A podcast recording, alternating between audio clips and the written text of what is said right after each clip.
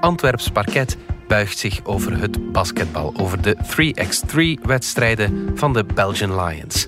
Alles draait om een dossier in de standaard over fraude met spooktoernooien van de 3x3 Belgische nationale ploeg. Hoe kwamen onze collega's die vermoedelijke fraude op het spoor en welke gevolgen kan dit hebben voor de nationale ploeg? Het is vrijdag 10 september. Ik ben Alexander Lippenveld en dit is vandaag de dagelijkse podcast van de Standaard.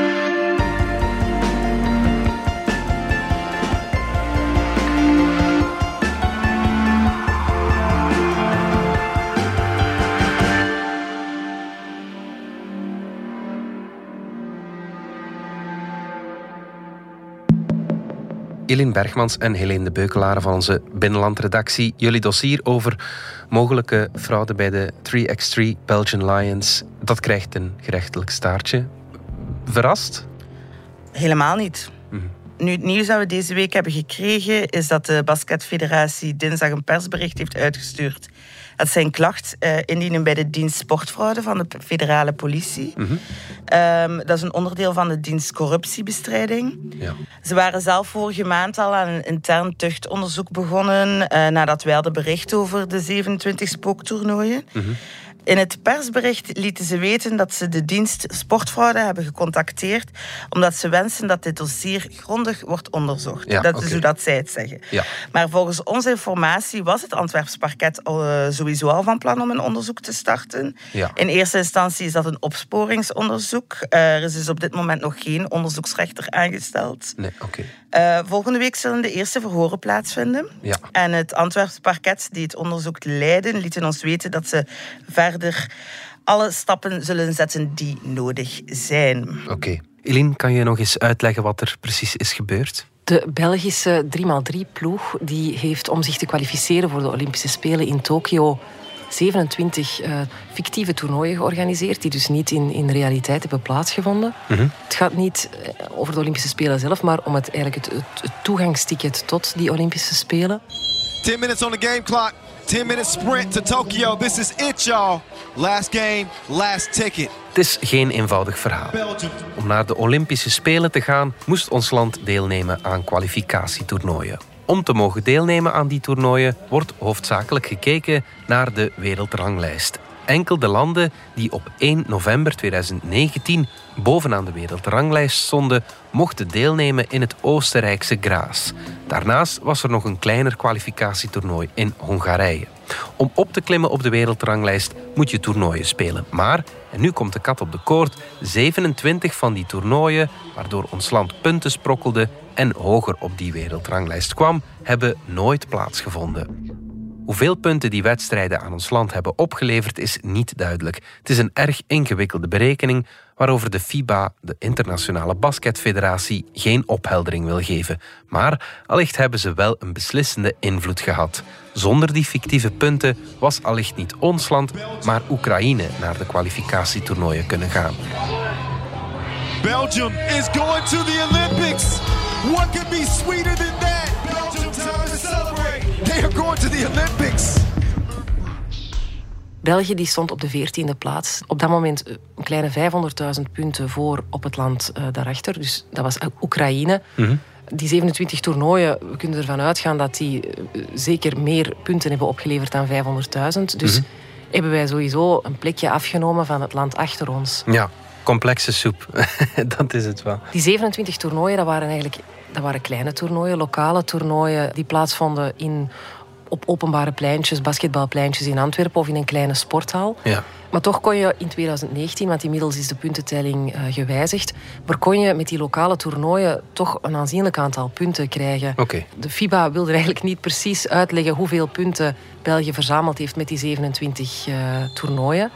Maar uh, een, een, expert uit het buitenland heeft het mij wel uitgelegd. En, en met die lokale toernooien kon België 18.000 punten per uh, speler voor de winnende ploeg krijgen. Mm -hmm. Wat gaat over 72.000 uh, punten per toernooi. Maal 27. Oké. Okay. Een heel moeilijk uh, systeem. Zijn jullie 100% zeker dat er gefraudeerd werd? Ja, 100% zeker. Vertel. Toen dat we voor het eerst begonnen met dit onderzoek, zijn we begonnen eerst met verschillende factoren te bekijken. Eerst en vooral zijn er op ieder toernooi staan er twaalf ploegen van vier spelers. Mhm. Dus dat zijn 48 spelers. Ja. Zijn we begonnen met spelers te, te contacteren. Mhm. Al vrij snel hebben we een speler gevonden die ontkende dat hij aanwezig was geweest op negen toernooien. We zijn dan verder beginnen gaan. Dat was niet simpel, omdat de mensen die, de spelers die werden ingeschreven, zijn vooral mensen die in de uh, interne kring van het Antwerpse van 3x3 uh, Team Antwerp zitten. Dus het was niet zo simpel om al die mensen te contacteren of overtuigen met ons te spreken. Maar uh, nog twee spelers hebben ons bevestigd dat zij niet wisten van die toernooien. Mm. Daarnaast hebben we ook bewijs gevonden dat spelers die, minstens twee spelers, op dat moment verbonden waren aan eerste klasse ploeg in Wallonië. Mhm. En dat zij aanwezig waren op een vandag. En daar zijn foto's van, terwijl dat het toernooi zo gezegd zou spelen. Daarnaast is er ook nog gewoon het feit dat uh, ja, je hebt 27 toernooien op twee maanden tijd. Dat is om de, zoveel, om de twee dagen een toernooi. Dat loopt gelijk met het basketbalseizoen in België. Daar stonden verschillende spelers die professioneel spelen. Het is Allee, dat, dat is onmogelijk, hè? Dat is onmogelijk. We, we, voelden ook wel dat er heel veel mensen die 3x3-ploeg in bescherming wilden nemen. Ja. zo zijn er tien wedstrijden die hebben plaatsgevonden in een, eh, in een lokale sporthal in, eh, in Antwerpen, sporthal Olixa. Mhm. Dat is eigenlijk de club, de basketbalclub, waar eh, de bezieler van 3x3, Nick Celis, heel zijn jeugd heeft gespeeld. Um, die zeiden aanvankelijk van toen we vroegen van die tien toernooien hebben die plaatsgevonden in 2019, zeiden dat gaan we voor u uitzoeken, dat moeten we kunnen verifiëren. Mm Na daar een dagje over na te denken, uh, in het eigenlijk, de, die belofte uh, die ze hadden gedaan, dat ze het dan zouden uitzoeken, kregen we het antwoord, ja, dat houden we toch niet helemaal bij, dus we kunnen het eigenlijk niet bevestigen. Ja.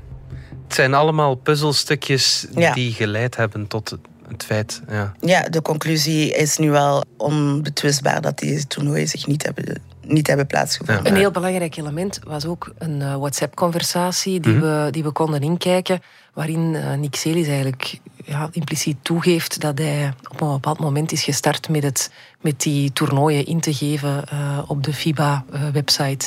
ja. En is dat dan zo gemakkelijk om zo'n toernooi aan te geven bij die internationale basketfederatie? Ja, het is heel gemakkelijk om dat te doen. Het enige wat je nodig hebt is een e-mailadres. Oké. En je krijgt een verificatiemail uh, om te bevestigen dat dit jouw e-mailadres is. En dat is voldoende. Ja. En dan kan je toernooien ingeven. Je hebt ook wel de accounts nodig van de andere spelers. Ja, en daarnaast heb je accounts nodig van de andere spelers. Die moet je overtuigen, want die ehm, spelers moeten dat uh, bevestigen. Dat moeten geconfirmed accounts worden. Ja. Dus ja, je hebt ook wel een serieus netwerk binnen de basketbalwereld nodig. Ja. Wel.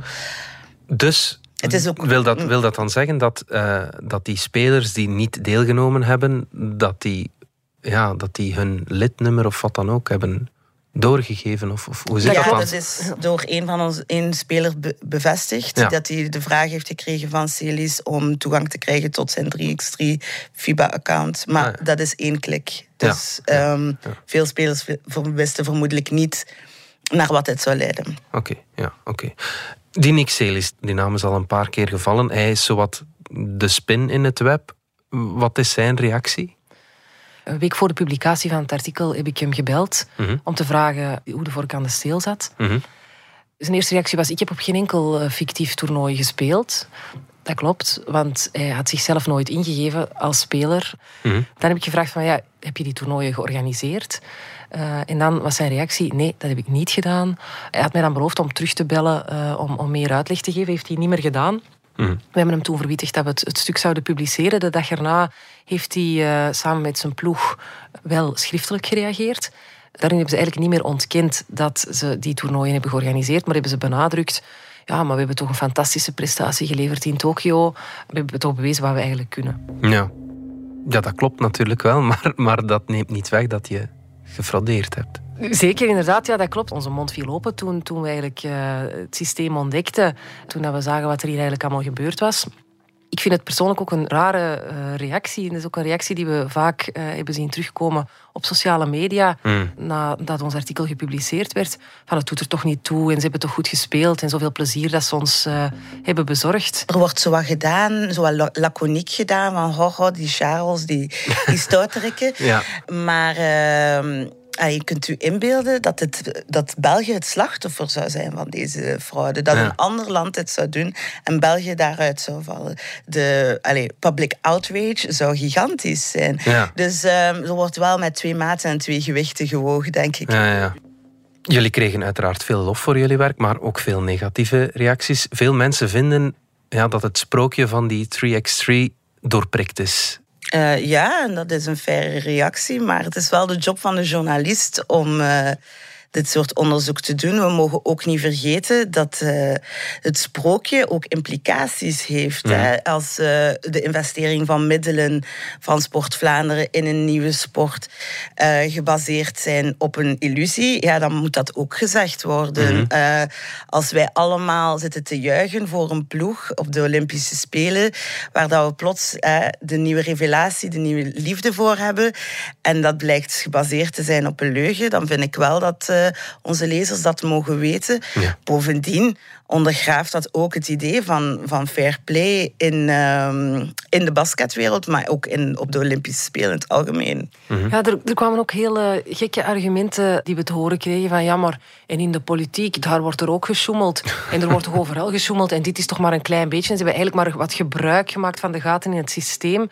Nu, fictieve toernooien opzetten, dat gaat in, eh, naar mijn aanvoelen toch allemaal nog, nog een stapje verder dan, dan gaten vinden in het systeem. Ja. Ja, en ik vind zelf dat, um, ja, dat sport iets heel puur is. En dat het gaat, als je naar de Olympische Spelen, dan ga je om ter, om ter het verste lopen, om ter het hardste lopen, om ter het verste springen, om ter beste basketten. En daar horen geen fictieve toernooien bij. Ja. Um, daar hoort geen doping bij. Daar, daar hou je je aan de regels. En dat is er hier duidelijk niet gebeurd. Mm -hmm, we gaan er even tussenuit, want mijn collega's Lise en Catherine die willen u warm maken voor onze nieuwe podcastreeks Radar. Radar. Radar. Radar. Radar. Vorige week lanceerden we de eerste aflevering, vorige week zaterdag. En deze week gaan we live naar Venetië. Ja, Jeroen Struijs, onze filmrecensent, die zit daar op dit moment. En uh, hij heeft al in primeur Dune gezien. The Lucky Bastards. ja, dat is een fantastische nieuwe film van Denis Villeneuve, gebaseerd op een van de best verkochte sci-fi boeken ooit. Ja, en dat is ook wel een bijzonder, hè, die mhm. verfilming, want die boeken waren zogezegd onverfilmbaar. Zelfs David Lynch heeft zijn tanden ooit stuk gebeten op die remake. Ja, ach, vreselijke film. Ik heb hem, ik heb hem zelf nooit uitgekeken. en wat hebben we nog? Um, ja, Sally Rooney. Ja, de schrijfster van Normale Mensen en Gesprekken met Vrienden. Die heeft nu een nieuw boek uit. Dat is echt een waanzinnige hype. Mensen staan daar s'nachts voor aan te schuiven. Mhm, ja, en, en dan vraag je je natuurlijk af, is, is die hype terecht? Sam de Wilde, onze boekenrecensent, die gaat ons daar alles over vertellen. Nu zaterdag in Radar. Radar.